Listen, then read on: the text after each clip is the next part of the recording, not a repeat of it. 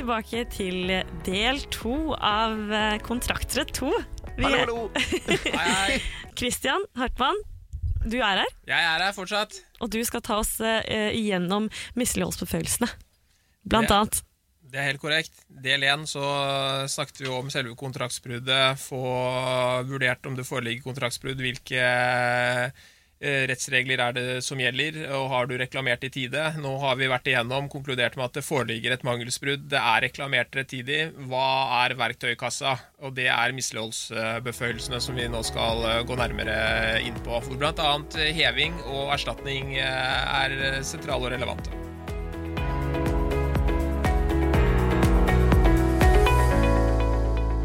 Så jeg tenkte vi veldig raskt kan starte med naturaloppfyllelse. og Som sagt så er dette bare en konsekvens av at du krever at uh, avtalen skal etterleves. Og så er det jo slik at naturaloppfyllelse den er den egner seg jo best på det vi var inne på, sånne type genusytelser, som eh, da faktisk eh, eh, ja, en ytelse du faktisk da kan motta, kontra en sånn spesytelse som kanskje kan være en eh, tjeneste, eh, en eh, ja, en advokattime, en psykologtime eller hva det måtte være, og da skulle presse vedkommende til å gjennomføre den timen, da er ikke naturalytelse det beste. Men eh, har du kjøpt deg en eh, en PC som eh, ikke virker eller du ikke får, så fast, kan du fastholde, fastholde avtalen. Ja, og så Hva gjelder disse realytelsene, altså varene vi snakker om, så er det ikke alltid slik at man kan eh, fastholde um, avtalen, og det har kjøpsloven paragraf 23 eh, bestemmelser om.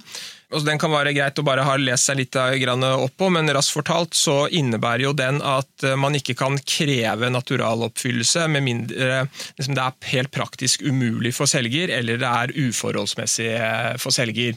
Men det skal jo Du ser jo her at terskelen er lagt ganske høyt, for utgangspunktet er at du, du er forpliktet til å levere den ytelsen eh, du da har forpliktet deg til, til å yte. Og helt avslutningsvis da på naturaloppfyllelsen er at dette er jo typisk et ulovfestet eh, prinsipp da, om at eh, avtaler skal holdes, eh, og, og dette finner du jo i alle kontraktslovgivningene også, så åpenbart et alminnelig kontraktsrettslig eh, prinsipp. En annen uh, misligholdsbefølelse du nevnte, er jo denne uh, detensjonsretten. Retten til tilbakeholdelse. Hvordan, uh, hva går det ut på?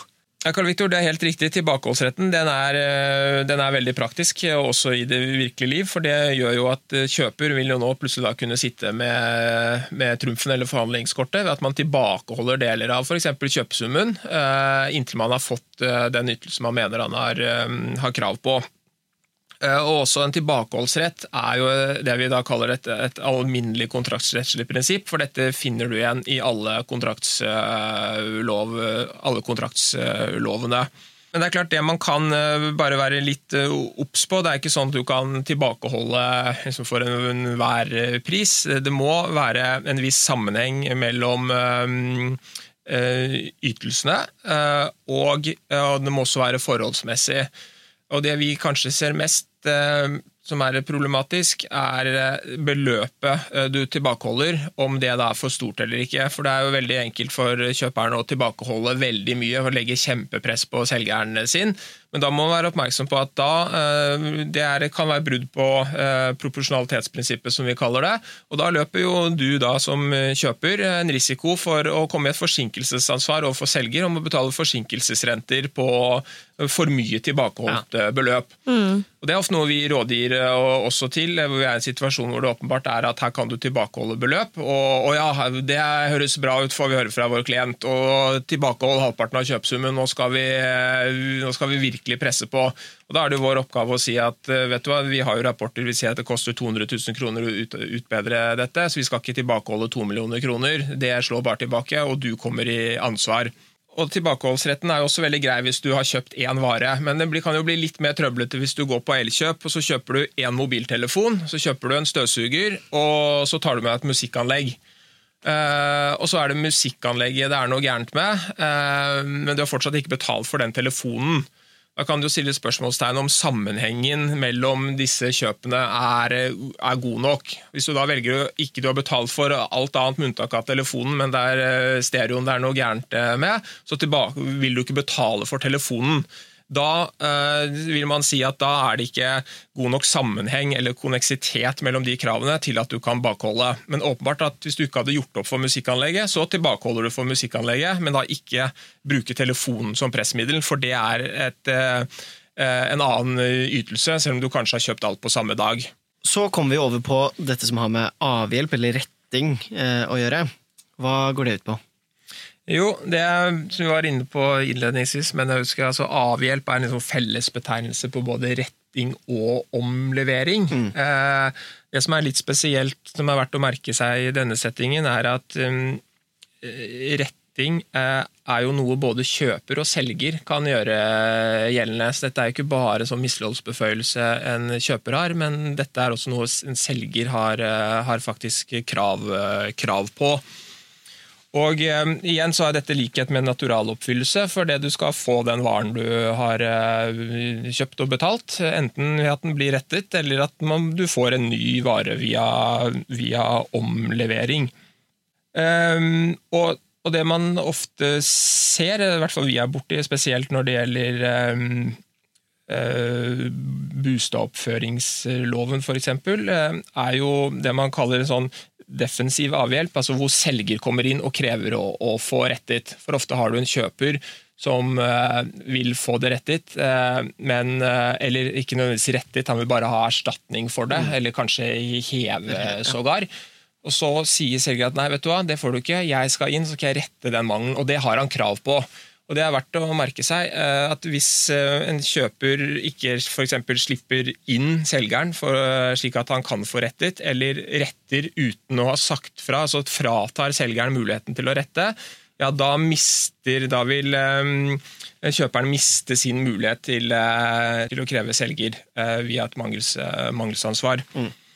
Og egentlig Hovedbestemmelsen i kjøp, i hvert fall i kjøpsloven, da er vi i paragraf 34 hvor eh, kjøper kan eh, kreve at selger eh, reparerer denne varen eller ytelsen som er bestilt og, kjøpt. Men også her har du da noen unntaksregler.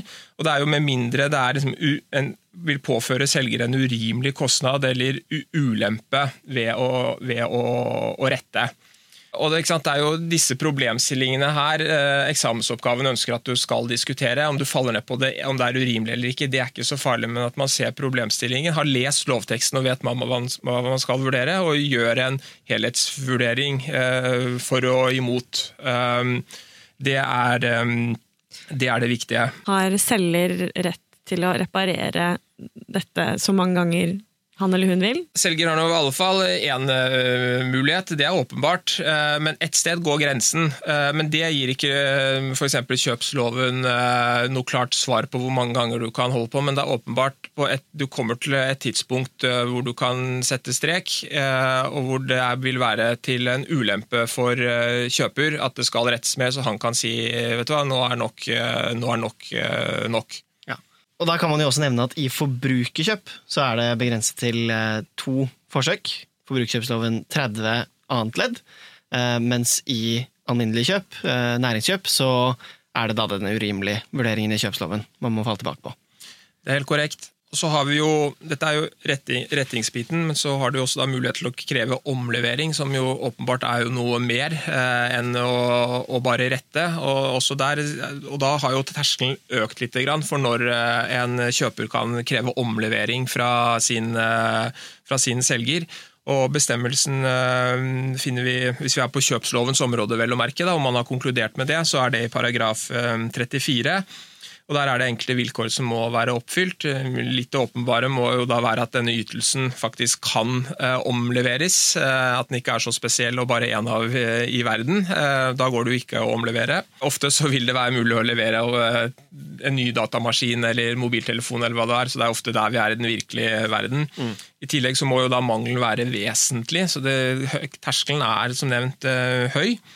Eh, og kjøper må også kunne levere tilbake den defekte gjenstanden i noenlunde samme stand som han uh, fikk den. Kan ikke ha brukt den opp uh, på et vis, eller kjørt denne bilen uh, 15 000 km og så kreve omlevering. Og Samtidig så vi har vært inne på, som også gjelder retting, det, det må være praktisk mulig for selger å tilby en ny, en ny, ny vare. Så Da har vi vært litt igjennom avhjelp eller eh, retting, omlevering, eh, som begrepet også betyr. Da tenkte det kunne være greit å si litt om prisavslag eh, også, som åpenbart er en beføyelse mange kommer til å bli kjent med, ikke bare nødvendigvis på jussen, men også, også privat. Eh, Um, og det er åpenbart Prisavslag det egner seg jo best på en mangel og ikke en forsinkelse. Der treffer den jo ikke uh, så godt. For forsinkelse vil det jo da ofte enten være heving eller erstatning som er, uh, som er de aktuelle uh, sanksjonene. Og prisavslag er jo også et prinsipp om eh, altså balanse i kontraktsforholdet ytelse mot ytelse. For hvis du leverer en gjenstand som åpenbart har en defekt og den kan prises, ja, skal du få tilsvarende prisavslag, så da får du faktisk eh, det du har eh, Du får den varen du da har betalt for til slutt. Og Prisavslag er jo også et godt eksempel på et sånt alminnelig kontraktsrettslig prinsipp som du finner igjen i alle, i alle kontraktslovene. Når man kommer til prisavslag, så er det jo to, uh, to modeller. Altså, har det, de har jo litt forskjellige uh, definisjoner, kan man kalle det. Altså, markedsverdimodellen, eller altså, differanseprinsippet, det går ut, ut på det samme. Uh, men det er jo da egentlig det verditapet gjenstanden har, det er også det du kan kunne kreve, kreve erstattet. Eh, det er ikke alltid det er like lett å vite eh, i kroner og øre eh, hvor mye mindre gjenstanden din har vært pga. denne mangelen. Så Det man ofte ser, er jo at man heller bruker modell nummer to, som er at du krever et prisavslag som er lik utbedringskostnaden. For Koster det 10 000 kroner å utbedre tingen, ja, så er det det du da kan kreve, kreve i prisavslag. En ting vi har nevnt en del ganger nå, uten å komme helt inn på det, er jo dette med heving. Og det er jo en ganske inngripende følelse som kan gjøres gjeldende. Hva er, det, hva er det heving egentlig går ut på? Jo, Det er jo riktig det. Heving det kommer jo liksom på slutten av uh, misligholdssanksjonene, for det er den mest inngrepende sanksjonen du kan gjøre gjeldende mot uh, din kontraktspart. Rett og slett at du bare avbryter hele, kansellerer avtalen. og og det er jo et alminnelig prinsipp. Skal du kunne heve, så må det foreligge en vesentlig mangel. Uh, og kommer, de så, kommer, det en sånn hevingsanførsel uh, i en eksamensoppgave, og det gjør det veldig ofte, uh, så er det jo den helhetsvurderingen du foretar, uh, som er avgjørende, basert på de konkrete omstendighetene. da. Ehm, for Det er ikke noe fasitsvar på om det er vesentlig eller ikke. Det kan være vesentlig i én sammenheng, men kanskje ikke nødvendigvis eh, i den andre. Og har ehm, du må se type person som har kjøpt en behov osv. videre mange vurderingstemaer som kommer inn, men terskelen er høy, og det må være et vesentlig avtalebrudd for at eh, du skal kunne gjøre den mangelen gjeldende. Og Dette er jo også åpenbart et helt alminnelig kontraktsrettslig prinsipp, uh, uavhengig av kontraktslov. Hvis du er på et område hvor, som verken kjøpslov, forbrukerkjøpslov, håndverkertjenesteloven skulle gjelde på, så har du likevel hevingsinnsigelsen i behold hvis det er et vesentlig mm, mislighold. Så når det kommer til heving, så sier man at man har man deler, altså Det er to forskjellige typer heving, da, kan man jo si. Eh, og igjen så er vi jo inne på litt sånn fancy ord. altså Heving x-tunk. Eh, Yes. Eh, kaller, man det. Eh, og ex-nunc. Eh, det er jo ingen utenfor universitetet som skjønner hva det, hva, det her dreier seg om i, i det hele tatt. Men heving ex-tunk da, det er jo med tilbakegående virkning, kan man vel si, som typisk gjelder på sånne realytelser som faktisk kan leveres tilbake. For Hele prinsippet med heving er at partene skal tilbakelevere de mottatte ytelsene. Og det er klart For en mobiltelefon som ikke virker, eller hvor all programvare er borte, som ikke kan benyttes etter sin funksjon, i det hele tatt, det er vesentlig mislighold. Den kan du levere tilbake eh, til eh, den du har kjøpt den fra, og du skal ha tilbake pengene. Det er et klassisk eh, sånn heving med tilbakevirkende kraft, eller X-tunk, da, som man, eh, som man, kaller det. Jeg merker jo selv at jeg har litt problemer med å uttale disse, disse, disse begrepene. Eh, men så har du jo da heving som kun virker eh, for fremtiden, og det er jo ofte hvis du hever hvis du har kjøpt en type tjenester. da. Eh, la meg si ja, Hvis du går til en psykolog f.eks., og om du da kanskje klipper kort på noen timer, så viser seg første timen dette det treffer virkelig ikke. Kanskje det skal gå noen timer før det er vesentlig mislighold, for du kan konkludere med det. Men det er åpenbart ikke så lett å tilbakelevere de tjenestene du har fått. Eh, og Da snakker man jo heller om heving som kun virker fremover. og Da kan du ikke være forpliktet til å kjøpe flere tjenester av vedkommende. Hvis du f.eks. har bundet deg til å, å, bruke denne psykologen da, bare for å ta det som eksempel, eh, åtte ganger til. Da trer du ut av kontrakten med virkning kun eh, fremover i tid. Men da kan det jo godt tenkes som vi var inne på, at da kan du jo kanskje da kreve erstatning for de to første timene dine istedenfor. For de ja. har du fått null og niks utbytte av. Så Da ser du hvordan det fungerer. At Det er ikke nødvendigvis bare den ene beføyelsen, men du kan kombinere det. Eh, med, og det er ofte at du kombinerer det med erstatning. Da. Så det er jo mm, Hevingen den kommer ofte på eksamen. Den er jo relativt enkel å identifisere. og Få til en god helhets eh, vurdering rundt eh, hevingen, og spesielt hvis det er litt sånn på tjenesteområdet, at uh, sondre litt mellom dette tilbake i tid og, og eh, frem i tid. Og åpenbart uh, hovedprinsippet at du skal tilbakelevere, partene skal tilbakelevere sine ytelser. Du sa her nå at uh, erstatning gjerne kommer i kombinasjon med det å heve, heve et kjøp eller en tjeneste. Kan du fortelle litt mer om erstatning innenfor kontraktsbrudd? Ja, det skal vi gjøre, for det er et viktig punkt. Uh, som uh, ja, kan vel nesten si uten unntak kommer opp i en uh, eksamensbesvarelse. Så det er greit å, å lese seg litt ekstra opp, opp på det. Eh, og bare, Gita, du er helt korrekt, eh, du følger med. Det er, eh, det er godt å se. Kjøpslovens paragraf 22 for eksempel, gir akkurat uttrykk for dette. Her er det skrevet rett ut, hvor det heter at kjøpers rett til erstatning faller ikke bort ved at han gjør gjeldende andre krav, eller ved at disse ikke kan gjøres gjeldende. Så erstatning vil du alltid kunne ha, men du kan også gjøre det i kombinasjon med andre, andre beføyelser.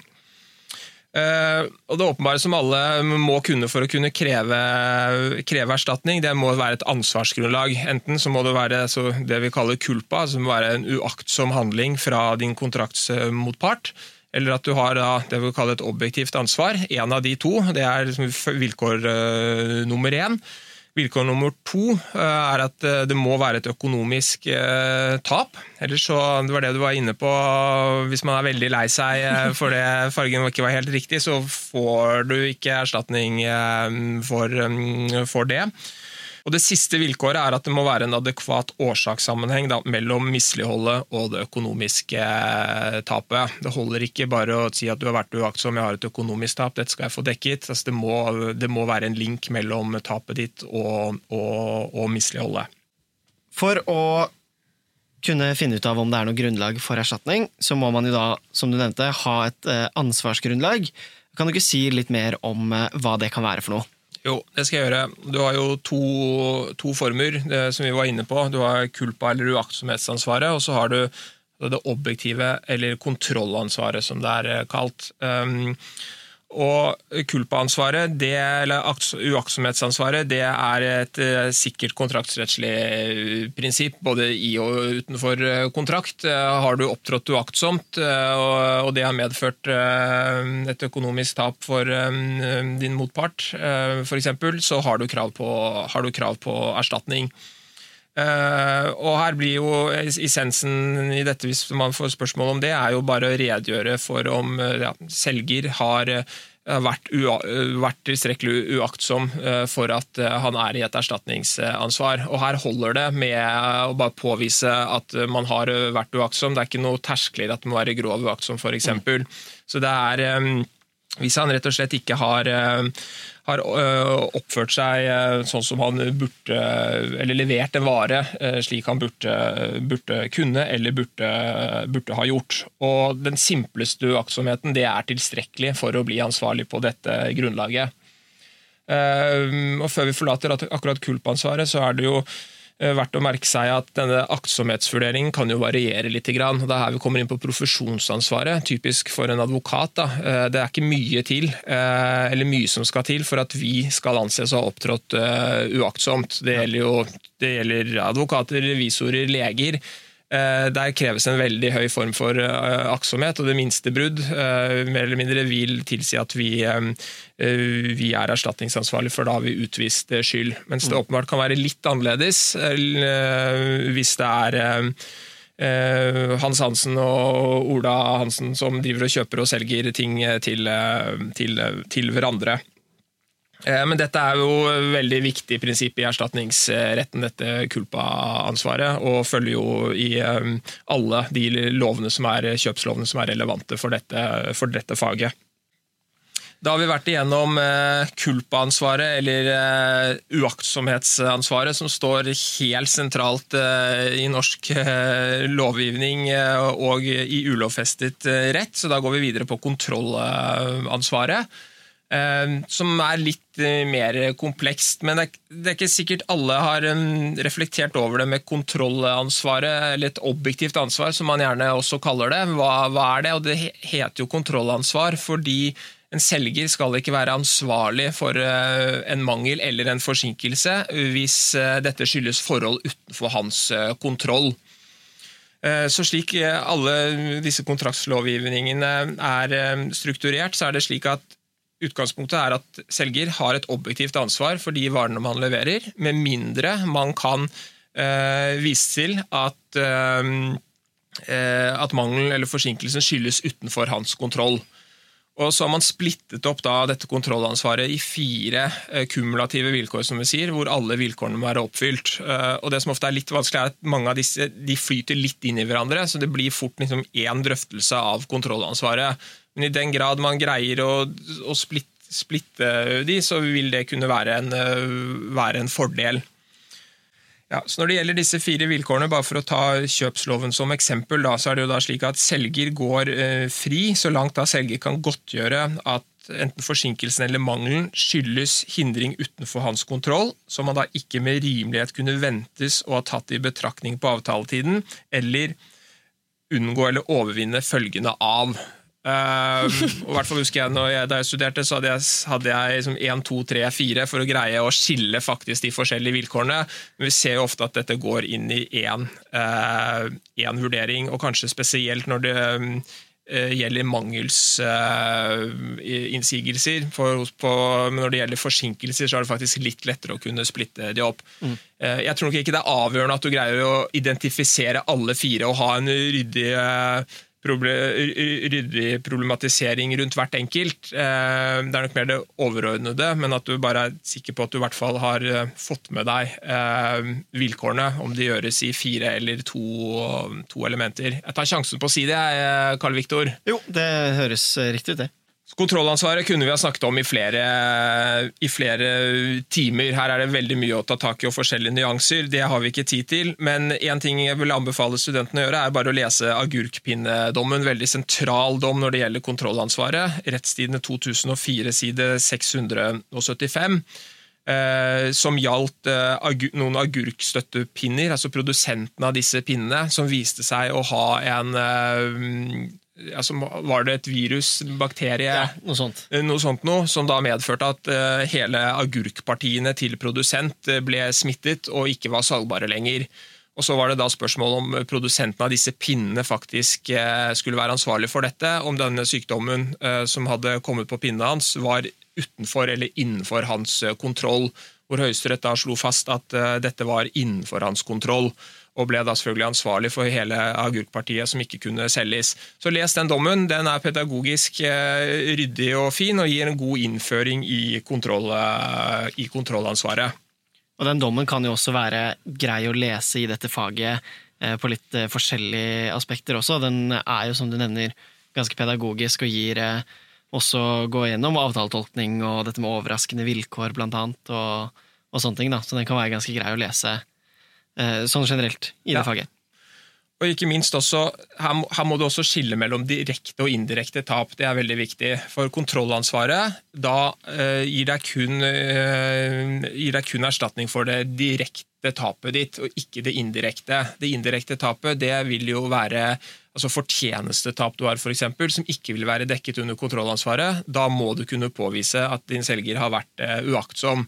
Og der, der må du ikke bomme på eksamensoppgaven, for det er et veldig eh, klart skille mellom det indirekte og direkte tap hva gjelder, eh, hva gjelder erstatningsretten. Så agurkbonden hadde fått erstatning for agurkene, men ikke hans eller hennes profitt av salget til agurkene. Ja, i hvert fall sånn som Her var det jo da kun snakk om kontrollansvaret, så da ble det, det nå husker jeg ikke, jeg er litt siden jeg har lest den dommen, jeg husker ikke alle detaljene, men da var det ikke snakk om det direkte tapet med et lite for, forbehold, for da måtte det også påvises uaktsomhet fra øh, produsent av disse agurkpinnene. Og så er det jo alltid et spørsmål hvis man da ikke Hvis faktum ikke treffer eh, altså eksamensoppgavens faktum treffer på en, eh, på en av lovgivningene, er liksom kontrollansvaret et alminnelig eh, obligasjonsrettslig prinsipp. Eh, og da, da begynner vi å bevege oss ut på et felt som ikke er helt, helt, helt opplagt. Uh, og Vi kan vel driste oss å si at det er ikke endelig avklart i rettspraksis om kontrollansvaret er, et, uh, er ulovfestet rett eller ikke. Men jeg har nå i hvert fall registrert at i nyere teori trekker i retning av at kontrollansvaret kan gjelde som et alminnelig kontrakt, kontraktsrettslig prinsipp så er det ikke sånn at dette behøver du ikke å kunne i detalj, men akkurat å, bare, å, huske det, å huske akkurat det vi snakket om nå, at det er ikke bare å sette deg likhetstegn med kontrollansvar, ulovfestet prinsipp. Skal du gjøre det, så du må i hvert fall drøfte litt rundt det, for der er det ingen automatikk, type sånn som det er for vesentlig mislighold, som åpenbart er alminnelig, et alminnelig prinsipp. Så bare vær obs på det i forhold til kontrollansvaret, hvis du ikke er innenfor en særskilt kontraktslov. Da har vi jo snakket en del om hvilke misligholdsbefølelser man kan eh, gjøre gjeldende. Men hva om du står i den situasjonen at eh, du har kjøpt noe fra eh, en Peder Aas, og så har han, hans bedrift gått konkurs, f.eks., sånn at du ikke kan gjøre noe krav gjeldende overfor ham. Hva gjør du da? Ja, Det er i hvert fall ikke så veldig stort poeng å gå på Peder Aas. det var vi jo litt inne på formuesretten. Da får du et sånt dividendekrav, og det vil si at du får null og niks igjen hvis du melder kravet ditt i boet. Så der har jo disse kontraktslovene våre hjemlet direktekrav, som det heter. Som egentlig betyr at du kan hoppe bukk over Peder Aas, og så går du på Lars Holm istedenfor, som er som kontraktsforgjengeren til, til Peder Aas istedenfor. Ja, typisk en leverandør til Peder Aas. Typisk en leverandør. Et eksempel kan jo også være hvis du kjøper en bil fra en, et bilutsalg, da, eh, som da har fått levert bilen fra, hvor dette utsalget har fått levert bilen fra Tyskland. Så går eh, bilselgeren konkurs. Da kan du jo da fremme kravet ditt direkte mot eh, selve bil, bilprodusenten. Mm. Men bare merk at direktekrav, da er vi inne på mangelskrav og ikke forsinkelseskrav. Og dette er jo veldig jeg skal ikke si vi ser nødvendigvis ser det så ofte i det virkelige liv, men det er jo absolutt en, en, ja, et verktøy man kan bruke. Og direktekrav sier man at man deler opp i to, to forskjellige ja, hva skal vi kalle det, to forskjellige modeller. Det ene er det man kaller subrogasjonsmodellen, eller de som vil flotte seg litt, noe jeg har sagt innledningsvis man ikke skal, altså sessiolegis. Og så har du nummer to, det andre direkte kravsmodellen, som er den springende regressen. Og bare for at Vi skal ikke gå i detalj her heller, det har vi ikke tid til, men veldig kort fortalt, denne sessiolegisen eller subrogasjonsmodellen, hvis vi bruker A, B og C, da, bare for å gjøre dette tydeligere, hvor A er kjøper, B er selger og C er produsenten. Ved en sessiolegis da, så betyr det at kjøper A trer inn i B sitt krav mot, uh, mot, C. Så det er en transport av kravet, rett og slett. Uh, man tar ikke stilling til, uh, til det kravet du har mot din kontraktspart. Du bare trer rett inn i din egen selgers krav og fremmer dette kravet.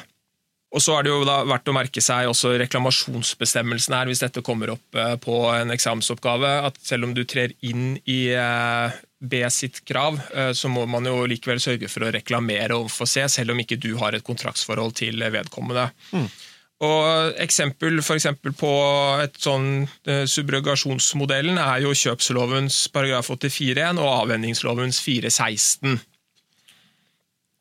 Og så har man den andre modellen som heter springende, springende regress. Eh, det er jo litt av det samme, men den har noen begrensninger. For der må du gjøre to mangelsvurderinger. Eh, eller kort fortalt så er det jo ditt eget krav du nå gjør gjeldende direkte mot C i eh, vår alfabetkjede.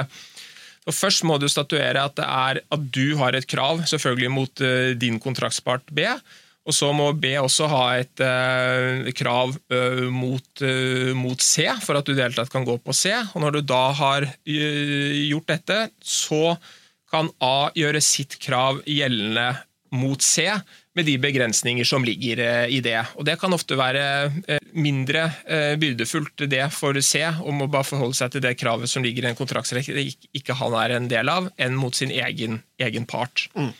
Og og vi finner uh, utslag av uh, denne springende regressen i forbrukerkjøpslovens paragraf 35, håndverkertjenestelovens 27 og f.eks. bostedoppføringsloven har da springende regress som sin uh, løsningsmodell. Og nok en gang bare vær oppmerksom på da, at her har de forskjellige kontraktslovgivninger faktisk forskjellige typer løsninger på, på direkte krav. Eh, og så er jo 1000-kronersspørsmålet, som egentlig er for mange av disse misligholdsbeføyelsene, om dette er eh, om du kan fremme direktekrav på ulovfestet eh, grunn eller, eh, eller, grunnlag eller ikke. Og Høyesterett har ved flere anledninger tillatt direktekrav på ulovfestet grunnlag, men, men det, det, finnes ingen generell ulovfestet regel eller prinsipp, prinsipp om det.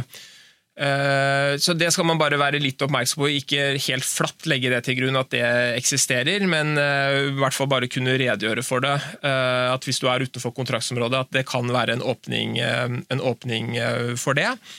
Men kanskje er det nok størst åpning for å legge til grunn et direktekrav når det gjelder den springende regressen og ikke subrogasjonen, fordi springende regress er mindre byrdefullt for C enn en Eh, en, eh, en, transport av kravet, som er denne Cessio Legis-modellen. Mm.